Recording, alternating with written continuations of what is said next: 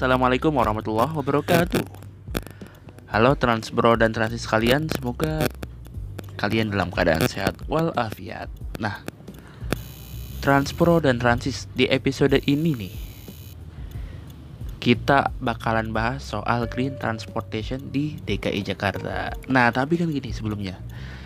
Jadi gini nih Pandemi ini kan sangat berpengaruh ya dalam kita bermobilitas dalam transportasi.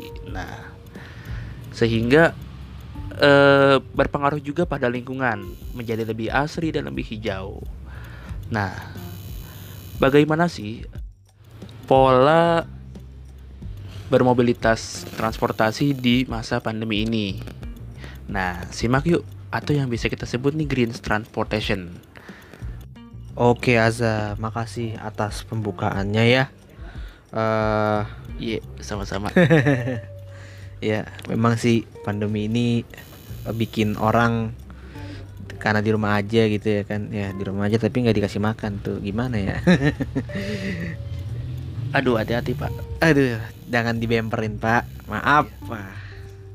Nanti kepaksa kebinekaan Pak.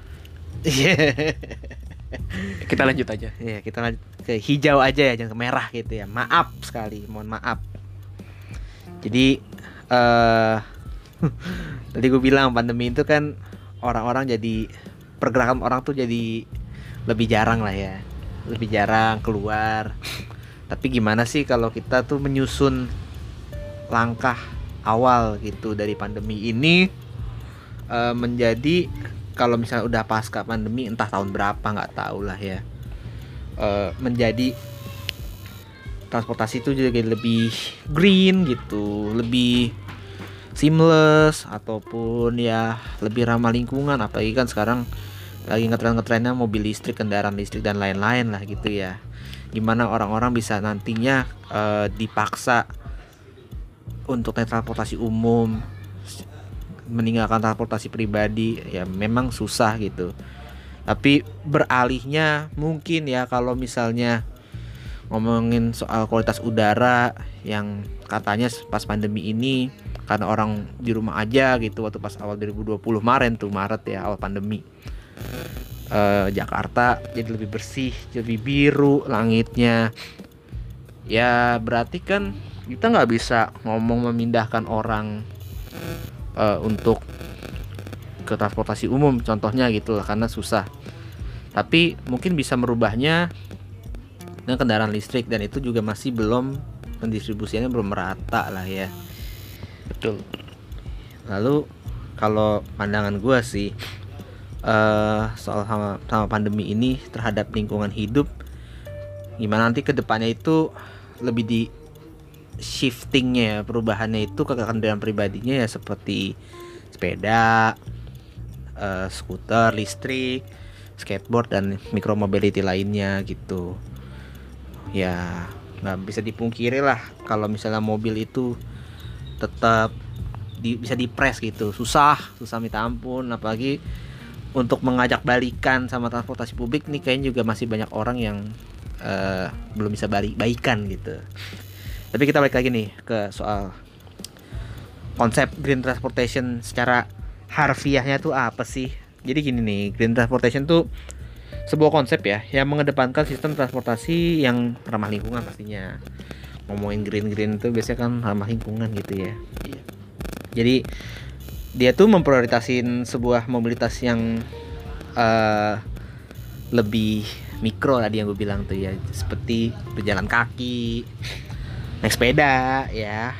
Terus juga ya skuter ya micromobility lainnya lah. Seperti yang kita udah pernah omongin di episode episode sebelumnya gitu. Kayak udah bosen juga ngomong gitu. Gitu lah dan pasti transportasi publik. Baik itu transportasi publik eh, bis ataupun kereta. Begitu. Nah si green transportation itu juga punya arti nih sebagai penggunaan kendaraan rendah polusi misalnya kendaraan elektrik terus juga dual energi ataupun berbasis gas alam ya lalu habis itu bisa juga hidrogen nah itu tapi sih masih belum kelihatan nih hilalnya di Jakarta ataupun Indonesia lah ya. Kalau ngomongin waktu pas Olimpiade Tokyo 2020 katanya ada apa eh, Toyota tuh mobil hidrogen ya. Mereka udah siap gitu loh untuk green transportation lah kita. Lah kita, Bro. Belum. Iya. Tahu sendiri lah. Begitu. Nah, transport dan transis. Seperti yang kita tahu ya, DKI Jakarta itu kota dengan jumlah penduduk yang tinggi. Iya, 10 Nah, jutaan. Iya. Dengan Jabodetabeknya aktivitas 35. Ah, Iya, dengan aktivitas sosial ekonomi yang tinggi juga. gitu ya. Betul. Dalam menjalani aktivitasnya nih ya, masyarakat DKI Jakarta itu butuh nih, butuh kemudahan dan kenyamanan dalam bermobilitas. Yes. Ya, kita ya mau nyaman gitu, nyaman terus mudah, mudah Terintek- intinya mudah. Terintegrasi. Iya. Menurut Conserve Energy Future 2021, sektor transportasi menyumbang 23% nih. 23% dengan emisi karbon dunia. Hmm. Nah, berasal dari pembakaran bahan bakar fosil. Tapi di samping itu, moda transportasi berbasis jalan menyumbang besar nih, 75% dari total emisi karbon dari sektor transportasi itu sendiri. Nah, penggunaan kendaraan pribadi nih dalam volume yang besar itu akibatnya berdampak negatif. Kayak polusi udara, Iya, iya. suara, kemacetan, dan juga inefisiensi. Nggak efisiensi sama sekali. Tidak efisien.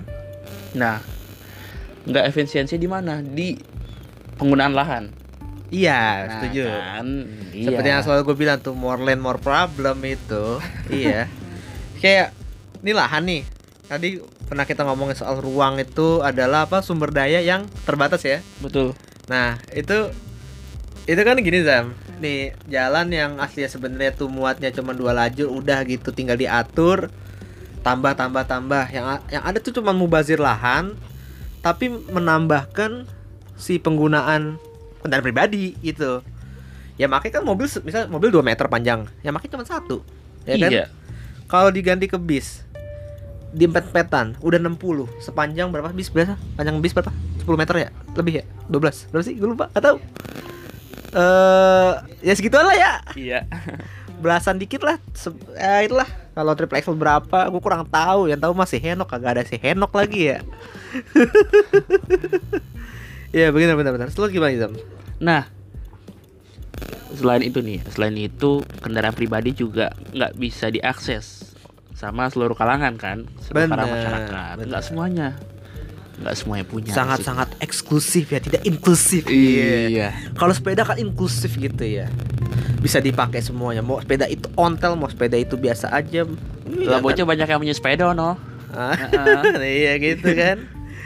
Nah, kata siapa tuh Mandra? Hah? Kata Mandra. Kagak tahu juga kita Oh, mah. Iya. Gue kira Mandra yang ngomong kayak gitu kan. Bemonya Mandra bisa muat berapa? Wah bisa. Bisa itu ngom dia. bisa muat 7 kan? Iya tuh harus dipertanggungjawabkan itu tuh. Bisa itu tuh Mandra tuh. Bemo Sidul deh sebenarnya. Mandra jadi apa sih? Sopir. Kopir ya. Kan baru naik tadi kenaik. Iya, Iya, naik pangkat. jabatan. Iya. lanjut, lanjut, lanjut, lanjut. Tapi Bemo kalau di green jadi green transportation harusnya bisa ya jadi apa CNG, BBG, BBG. Bisa bisa. PBG. Harus dipertimbangkan lagi tuh ya. Beca juga tuh dipertimbangkan lagi datang. Iya, ya, terus terus. Nah, jadi kondisi yang tadi nih itu mendasari alasan untuk menerapkan konsep green transportation yang pastinya. Nah, tujuannya itu ngubah tren, ngubah tren transportasi jadi lebih ramah lingkungan dan pastinya berkelanjutan. Iya, itu maksudnya pas ntar pasca pandemi tuh eh dipengennya tuh begitu. Makanya pas pandemi ini banyak kota berlomba-lomba merubah itu kotanya agar mobilitas tuh ya tadi yang lu sebutin itu gue terbata-bata mau ngomongnya gitu itulah pokoknya tadi lah gitu nah terus apa sih kira-kira manfaat dari si konsep green transportation itu ya ya pasti itu pertama nih meningkatin keber lanjutan lingkungan, sustainable environment. Iya. Lalu yang pastinya kualitas kesehatan jadi lebih meningkat dong. Karena kan udara jadi bersih gitu kan. Itu eh, orang-orang shiftingnya jadi ke kendaraan rendah emisi, sepeda dan ataupun ya kalaupun beremisi ya itu kendaraan massal gitu loh. Kendaraan massal layaknya bus masih memakai eh, emisi itu ya eh, dari bahan bakar. Kalau Iya. kereta kan kereta apa sih kalau kereta perkotaan udah listrik kan? Ya kan? Cuman di hulunya aja masih pakai batu bara. Nggak usah ngomong itu. Iya iya. Nggak usah ngomongin arahnya ke argo batu bara. Mohon maaf, jangan. Lanjut pak. Iya. Lalu abis itu yang tadi aku selalu ngomong tadi eh, dari exclusivity ke inclusivity gitu ya. Transportasi jadi lebih inklusif gitu loh, menyeluruh aliasnya tuh ya. Bisa dipakai semua orang, tidak ada harus kalangan ini, kalangan itu yang bisa. Kayak orang beli mobil kan DP-nya berapa? Orang beli motor ya DP murah sih, gitu ya kan. Cuman kan motor juga tidak seamless ya, sama aja kayak beli mobil tapi ya makin banyak lagi ditumpuk gitu loh. Iya, Jalan juga betul, makin, betul. makin makin sempit. Mending ditumpuk sepeda gitu ya. Udara bersih gitu kan. Lalu yang pastinya juga menciptakan ruang interaksi sosial di ruang-ruang publik jadi makin banyak lahan lahan tidak mubazir lah kurang lebih begitu sih Zam. Benar ya? Betul. Oke. Nah nih Kal, sekarang kita bahas soal hierarki green transportation nih. Seperti hierarki pengguna jalan ya. Iya. Oke. Piramida terbalik. Oh iya Iya. sih. Asik. Nah, Nah, itu legend banget itu. gimana gimana? nah ini di urutan paling atas, urutan prioritasnya. Mm-mm. Kan ini urutan prioritasnya dari tinggi Heeh, ke bawah. heeh, Berarti semakin bawah priorita- prioritasnya semakin kurang. heeh. Nah, yang paling atas nih ada pejalan kaki. Yoi, betul. Harus. Harus. Harus diprioritasin itu. Nah, di bawahnya pejalan kaki ada pesepeda. Betul. Nah, yang ketiga di bawahnya sepeda ada angkutan umum. Nah, iya. Angkutan betul. umum. Terus Masal tuh. Nah, terus ada taksi atau car sharing. Yap. Atau Yang- ride hailing. Iya, Gojek, Grab. Grab. Nah, ya itulah pokoknya. Ya kan yang Berpool kita tahu itu gitu. doang. Iya. Ya itu maksudnya layanan ri- ride hailing itu begitu, Bang. Iya, itu, siap, Bang. siap, siap. Nah, yang paling bawah baru kendaraan pribadi. ya itu sangat tidak eh, di unpriority ya. Tapi sebelum gue tambahin dikit ya. Mm-mm. Sebelum eh, kendaraan pribadi diprioritasin tuh adalah satu kendaraan logistik barang, paket. Tuh, Paket. iya, paket gitu. Itu kan butuh kecepatan gitu. Lah kalau misalnya orangnya butuhnya datang hari ini, hari ini harus datang gitu. Di supply and demand-nya lebih tinggi. Lah kalau pribadi ya bisa dipakai kapan aja. Gitu sih Zam, bener-bener. Bener-bener. Kayak gitu ya, kurang lebih ya. Yap. Oke. Nah, transportasi nih. Kira-kira eh upaya apa aja sih untuk mewujudin si green transportation itu ya upayanya sih dari pemerintah iya, dari kita sendiri iya gitu ya. Jadi pertama tuh kalau untuk ini ya si si pemerintah, sisi pemerintah ya. Itu menyediain berbagai moda transportasi publik ya. Seperti MRT, LRT, terus KRL ya. MRT, LRT, KRL sih. Maksudnya KRL tuh ini komuter lain, komuter lain Iya. komuter lain. Komuter lain sekarang tuh kereta komuter tuh memang eh, kalau kita berinvest mau tinggi gitu ya dan lebih ramah lingkungan kudu KRL ya nggak sih kayak di Jogja gitu contohnya kan bisa di shifting lah Iya. Pramex Shifting. jadi apa Pramex jadi KRL ya kan coba kalau masih Pramex diesel malah mogok mulu lagi ya ya ya nggak sih mogok mulu Katanya sih ya. katanya gitu ya apalagi KRD KRD yang lain ya Oh, itu mah sering. Wah, sampai jadi angkot lagi. Jangan. Aduh, aduh, aduh. Papa Edi eh eh, udah jangan. Lalu eh penyediaan sarana-sarana tersebut tuh eh juga harus disertai nih dengan pengembangan integrasi antar modanya. Kayak contohnya CSW gitu. Dan juga penataan-penataan kawasan stasiun yang ada di Jakarta. Dan seharusnya ini bisa menyeluruh ya ke seluruh kota-kota di Indonesia gitu. Baik itu ya integrasi secara mikro aja gitu nggak usah makro makro karena kan tiap tiap tiap kota pendekatannya atau approachmentnya beda-beda gitu loh. Nah, integrasi tuh dilakuin tuh kayak contohnya tadi ya selalu gue bilang itu integrasi fisik, baik itu rutenya, fasilitas penunjangnya dan sebagainya gitu. Dan juga non fisik kayak contoh tarif eh, dan memakai aplikasi wayfinding, contoh kayak Trafi Move It. Ya itulah pokoknya lah. Nah, strategi yang komprehensif ini tuh diperluin tuh dalam rangka menyediain fasilitas penunjang mobilitas nih. Kayak dan sebelum dan sesudahnya dari layanan transit yang ada. Nah, itu juga bisa dikenal sebagai first mile dan last mile. Ya, itu kita udah pernah ngomong lah itu ya. Kita udah pernah ngomong tuh banyak. Banyak banget ya. Kita tuh ngomong itu banyak ya. Tidak ada habis-habisnya untuk memberikan edukasi untuk transportasi sekalian di sini. Oh dikirain nggak ada bisa-bisa untuk bacot kita. Iya, karena kita cuma bisa bacot ya gitu. Tapi insya Allah ada intisarinya, bukan intisari AM. Ada ya intisari atau benang merah lah bahasa enaknya lah gitulah. Nah, gue pengen nambahin omongan lu kali nih Boleh. soal prasarana. Nah, prasarana sebelum dan sesudah menggunakan layanan transportasi publik sangat krusial nih. Yep. Itu sangat krusial. Kenapa tuh? Karena untuk mendukung keberadaan layanan transportasi publik yang sedang dikembangkan di Kota Jakarta. Dan juga kota Indonesia dong pastinya. Eh, iya, Harus harus masa harus Jakarta doang sih yang lain dong, ya kan? Surabaya, mungkin bisa diimplementasikan Mm-mm. ke Nah, kota-kota besar lainnya. Bener. Apalagi tadi gue bilang tuh sempet kan, gue bilang pendekatannya beda-beda karena tiap tiap kota tuh punya spesifikasi beda-beda. Dengan Nggak kondisi yang beda-beda. Iya itu makanya pendekatannya beda-beda gitu ya Zam ya. Betul. Lalu Nah, jadi ini dilakuin untuk dapat mendorong masyarakat beralih ke transportasi yang berkelanjutan. Yep. Nah, caranya gimana? Dengan meningkatkan kenyamanan dalam menggunakan moda-moda. muda-muda. Nah, yang baik nih, yang yang baik. Hmm. Hmm, bagi berkelanjutan sistem berko- perkotaan. Benar benar. Kayak gitu ya. Iya. Nah kurang lebih begitulah soal green transportation lah. Karena ini memang menjadi titik awal pandemi ini jadi titik awal kita berbenah semuanya. Dan dengan ada green transportation ini mudah-mudahan ya bisa menjadi lebih baik untuk uh, kota kita dan juga ya untuk bumi kita sih pastinya. Aduh, juga jadi kayak Greenpeace nih ngomong kayak gini. green transportation ntar lama jadi Green Lantern gitu atau Green Hornet gitu ya.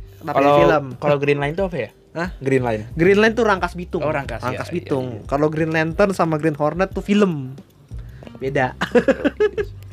ya, seperti itulah kurang, kurang, kurang lebihnya gitu. Dan gue juga ada sedikit quotes nih. Kayak ketika kita berjalan kaki ataupun bersepeda gitu ya.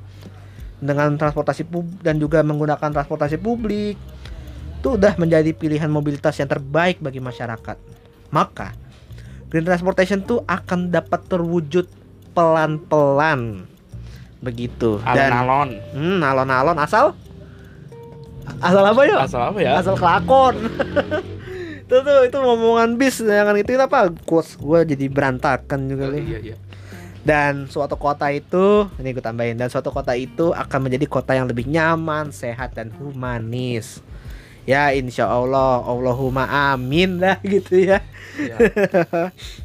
Oke, mungkin itulah yang bisa kami sampaikan. Ya, kurang lebihnya mohon maaf. Semoga transport dan transis eh, terbuka wawasannya dan juga terhibur dengan bacotan kita yang konyol inilah ya. Mohon maaf juga. Ya, eh, sekian dari kami. Wassalamualaikum warahmatullahi wabarakatuh. Salam sehat, salam transportasi.